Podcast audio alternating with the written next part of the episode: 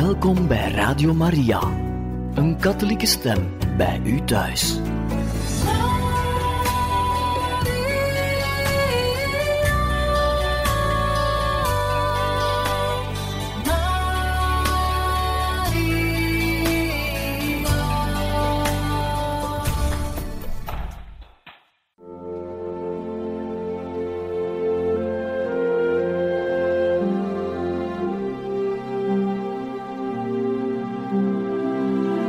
Beste luisteraars van Radio Maria, welkom bij het programma Catechismus.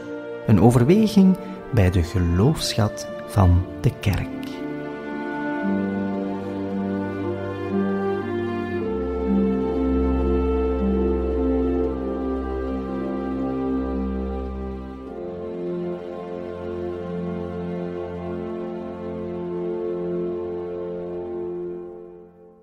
Van harte welkom, beste luisteraars, in het programma Catechismus. Vandaag kan u verder luisteren naar de paasverhalen volgens het Johannesevangelie, gebracht door Pater Gerard Denis. Dierbare luisteraars van Radio Maria, de paasverhalen in het Evangelie van Johannes zijn zo buitengewoon mooi. En in een inleiding zou ik nog willen het volgende zeggen. Zoals in de andere evangeliën vinden we bij Johannes verschillende berichten in verband met de dagen na Jezus dood. En daarvan krijgen we dan de paasverhalen. Maria Magdalena bezoekt het graf vroeg in de morgen op de eerste dag van de week. Zij vindt het leeg.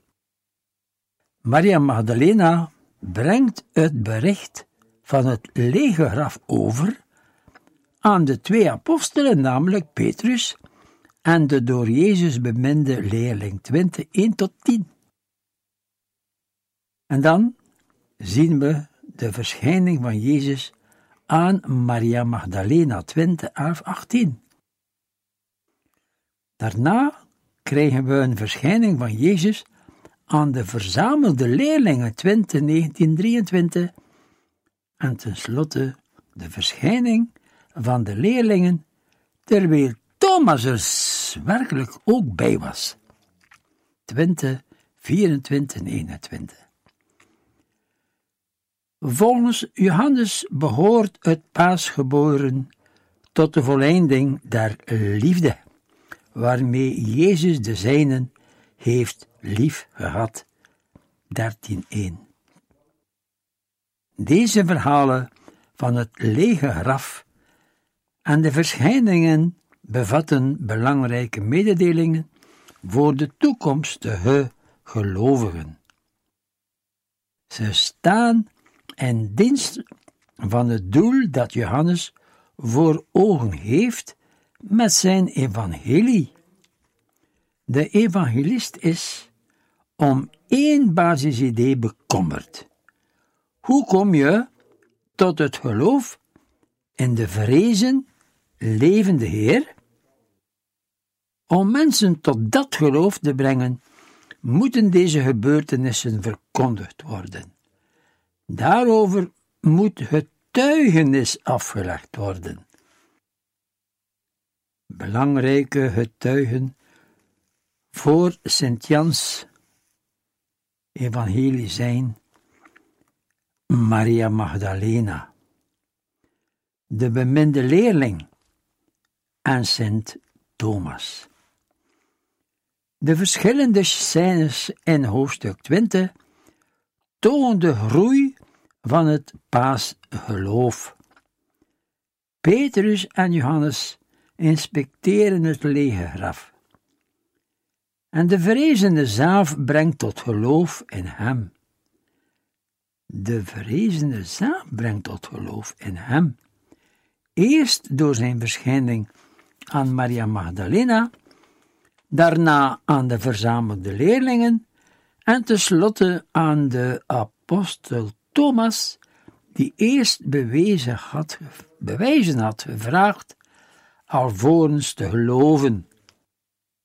Het paasgeloof had allerlei hindernissen te overwinnen in het hart van de mens. Onbegrip over Gods plan, zoals uitgetekend staat in de schrift, droefheid, angst, twijfel. Allemaal gevolgen van de dood en de afwezigheid van Jezus.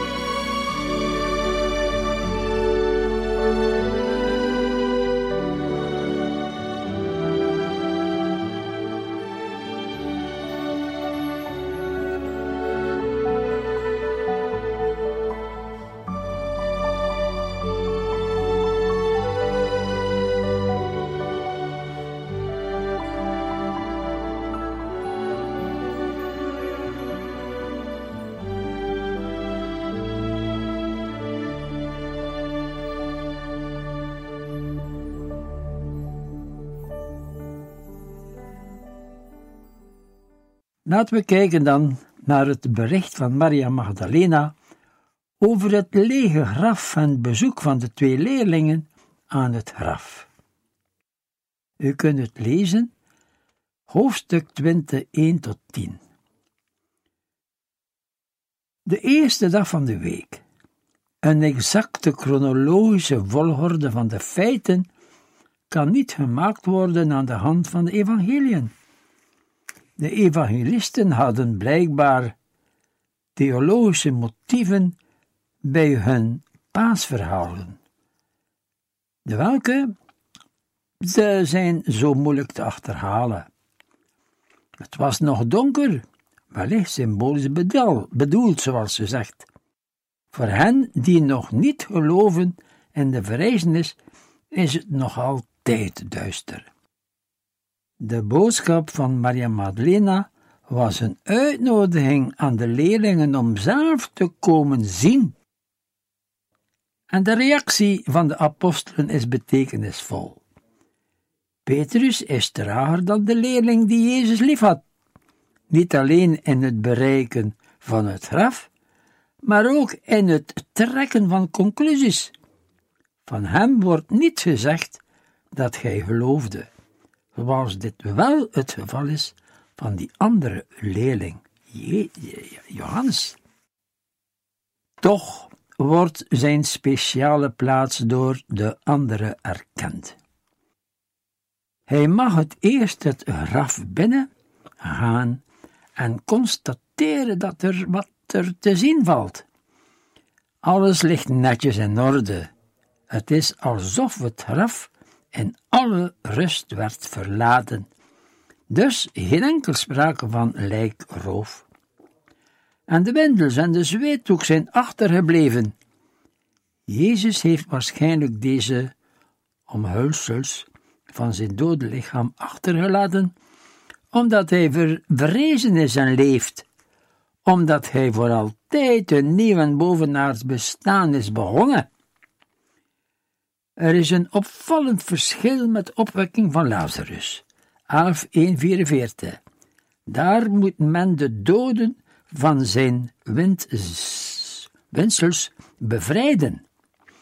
Hier heeft de uit eigen kracht verrezene zij zelf ervan bevrijd en ze als teken van zijn opstanding achtergelaten.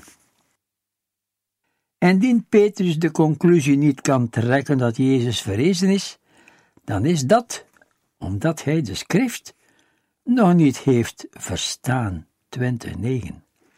Daarmee zegt de evangelist impliciet dat de verrijzenis alleen verstaan kan worden binnen een denkkader dat de schrift als basis heeft. De schrift is een noodzakelijke voorwaarde voor het geloof. Wat dit verhaal op de eerste plaats beoogt, is niet het verschil tussen de twee leerlingen te doen uitkomen, maar wel het getuigenis over Jezus verrijzenis. Daarin speelt het modelgeloof van de geliefde leerling een bijzondere rol. Hij zag en hij geloofde. In één blik heeft hij de situatie doorschouwd. Hij komt dadelijk tot het geloof en volgens het tekstverband tot het volle geloof in Jezus verrijzenis. Het geloof zonder de verrezene gezien te hebben en zonder het getuigenis van anderen die hem reeds gezien hebben. Dat Petrus die als spreekbuis van de twaalf optrad, het graf nauwkeurig heeft waargenomen, maakt dat hij een, een belangrijke getuige wordt van het verrijzenis gebeuren. De geliefde leerling staat, wat zijn geloven betreft, boven Petrus, maar niet in alles. Petrus is de erkende autoriteit. En dan het, een woord over het lege graf. Het hele verhaal begint met de vaststelling van een afwezigheid. Het graf is leeg, een pure afwezigheid van Jezus. Maar het lege graf is geen bewijs voor de verrijzenis. Het lichaam kan weggenomen zijn. Het kan ook zijn dat Jezus in de dood is verdwenen, dat niets meer van hem overblijft. Over de verhalen van het lege graf en de evangelie. Zie kardinaal de Kezel, die schreef over opgewekt uit de dood, aggiornamento, in het jaar 1995, nummer 1, bladzijde 2. Hij zegt, de leegheid van het graf leidt niet tot de noodzakelijke conclusie van de werkelijkheid van de verrijzenis. Dat het graf leeg is, kan ook verklaard worden door het feit dat het lichaam er is uitgenomen, of door het feit dat het lichaam er nooit is neergelegd. Het lege graf op zichzelf verkondigt de verrijzenis niet. Het begint pas van de verrijzenis te getuigen voor iemand die reeds in de verrijzenis gelooft. Dat geldt ook voor ons. Ons geloof in de verrijzenis van de Heer steunt niet op de proefondervindelijke constatatie van de leegheid van zijn graf. Voor ons is dat trouwens niet meer te onderzoeken. De laatste grond is ook voor ons het apostolisch geloof, namelijk de geloofsovertuiging dat de eerste leerlingen die het goede nieuws verkondigd hebben, gezegd hebben: Hij leeft, hij leeft, hij heeft zich laten zien. Hij leeft, hij heeft zich laten zien. En we kunnen ons de vraag stellen: zijn de verhalen over het lege graf historisch? Laten we kijken naar kardinaal Daniels en zijn paasboodschap van 1991 over de dood heen, bladzijde 34. Hij zegt: Het is in te beweren dat het een verzinsel is, niet historisch, het is werkelijk in. Ton ten onrechte, zegt de kardinaal. Het behoort bij de primitieve traditie. Moest dit niet zo geweest zijn, dan zou dat gemakkelijk te controleren zijn. De verkondiging van de verrijzenis, met als aanwijzing dat het graf leeg was, zou helemaal ongeloofwaardig geweest zijn. Maria Magdalena was wel de kroongetuige van de verrijzenis. Maria Magdalena is de eerste om het lege graf te ontdekken, maar zij erkent het gezag van de apostelen en gaat het nieuws vertellen aan Petrus en Johannes, de geliefde leerling, die blijkbaar een voorname plaats innemen in de groep van de elf apostelen. Zij is de draagster van een negatieve boodschap. De Heer is er niet. Later wordt zij de draagster van een positieve boodschap. Ik heb hem gezien en dit heeft hij mij verteld. Zij is de eerste om Christus te erkennen en van hem te getuigen. Zij is een kroongetuige, zoals wij zeggen. Waarom wordt haar zulke belangrijke rol toegekend? Men kan het alleen maar gissen. Samen met Maria, de moeder van Jezus, met de Samaritaanse, met Martha en Maria, vertegenwoordigt zij de vrouwen in de geschiedenis van het heil door Christus gebracht. Het was de apostel der apostelen, Maria Magdalena, de apostel van de apostelen.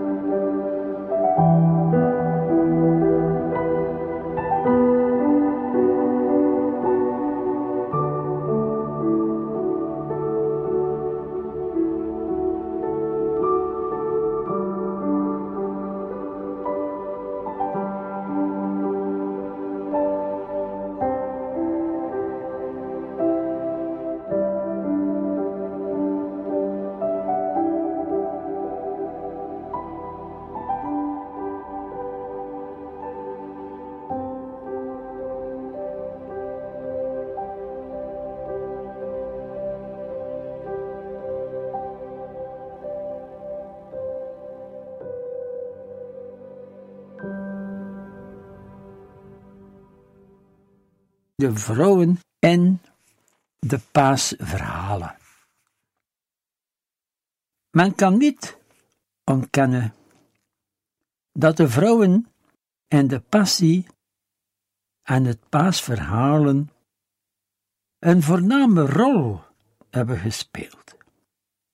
Als we de houding van de mannen tegenover Jezus met die van de vrouwen vergelijken, dan slaan de mannen eigenlijk een mal figuur, zoals we dat noemen.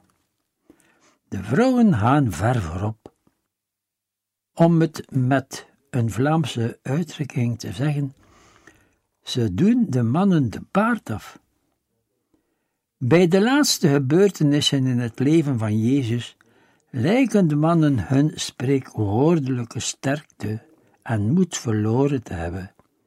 Ze nemen de vlucht bij de gevangenneming.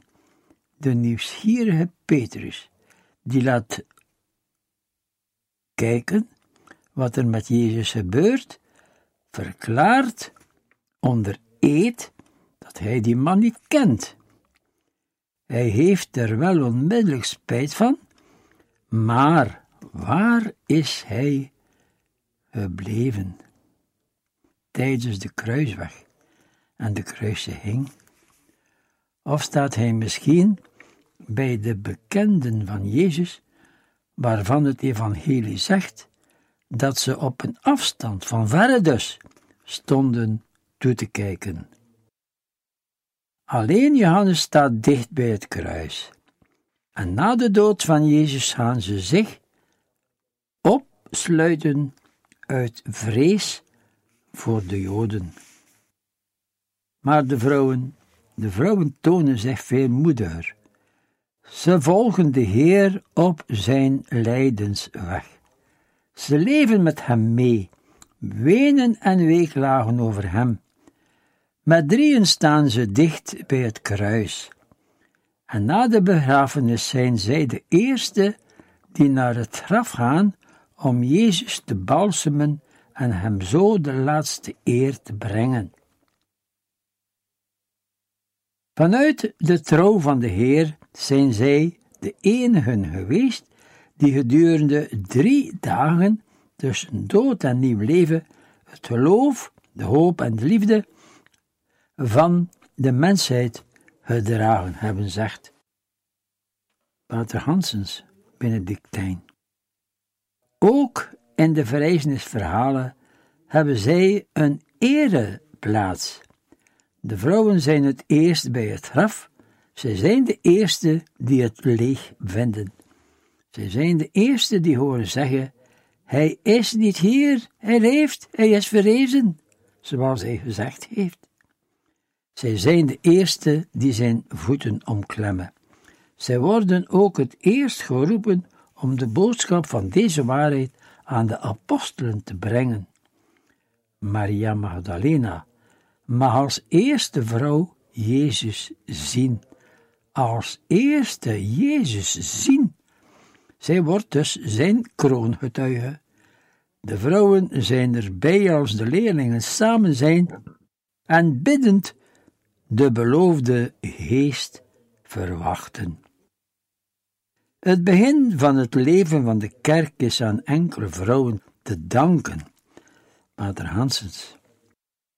Men kan moeilijk staande houden dat heel de geschiedenis van de kerk een mannengeschiedenis is, zeker niet in het begin en eindelijk nooit. Vanaf het begin van de zending van Christus toont de vrouw jegens hem en jegens zijn mysterie een bijzondere gevoeligheid die overeenstemt met een kenmerk van haar vrouwelijkheid.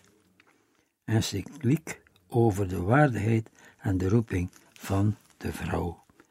De vrouw heeft een bijzondere gevoeligheid tegenover het mysterie van God en van Christus. Zij voelt dat mysterie intuïtief aan. Zij kent het op intuïtieve wijze en dus dieper. Zij is ontvankelijk voor de haven van de liefde. Zij zal zich helemaal overgeven aan de liefde.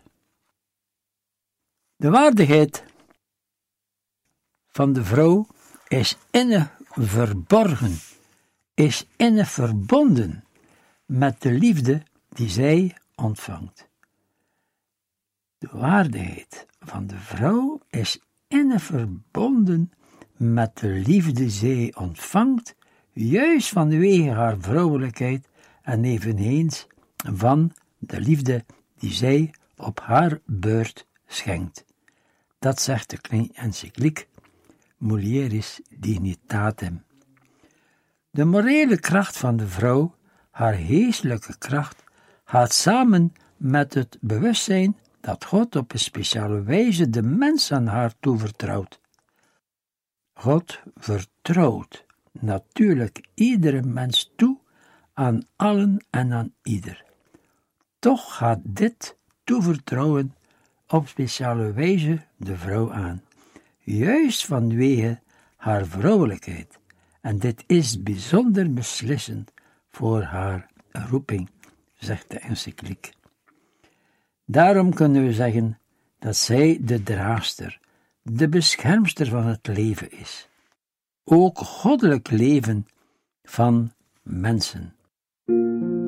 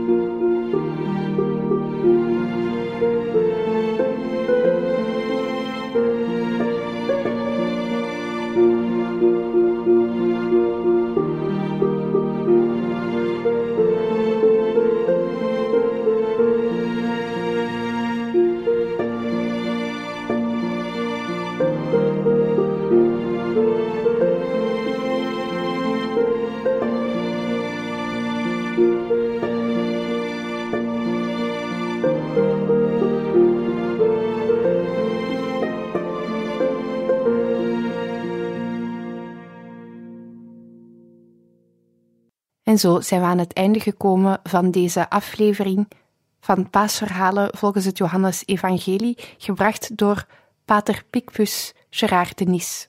U kan deze en andere afleveringen altijd beluisteren op onze website radiomaria.be.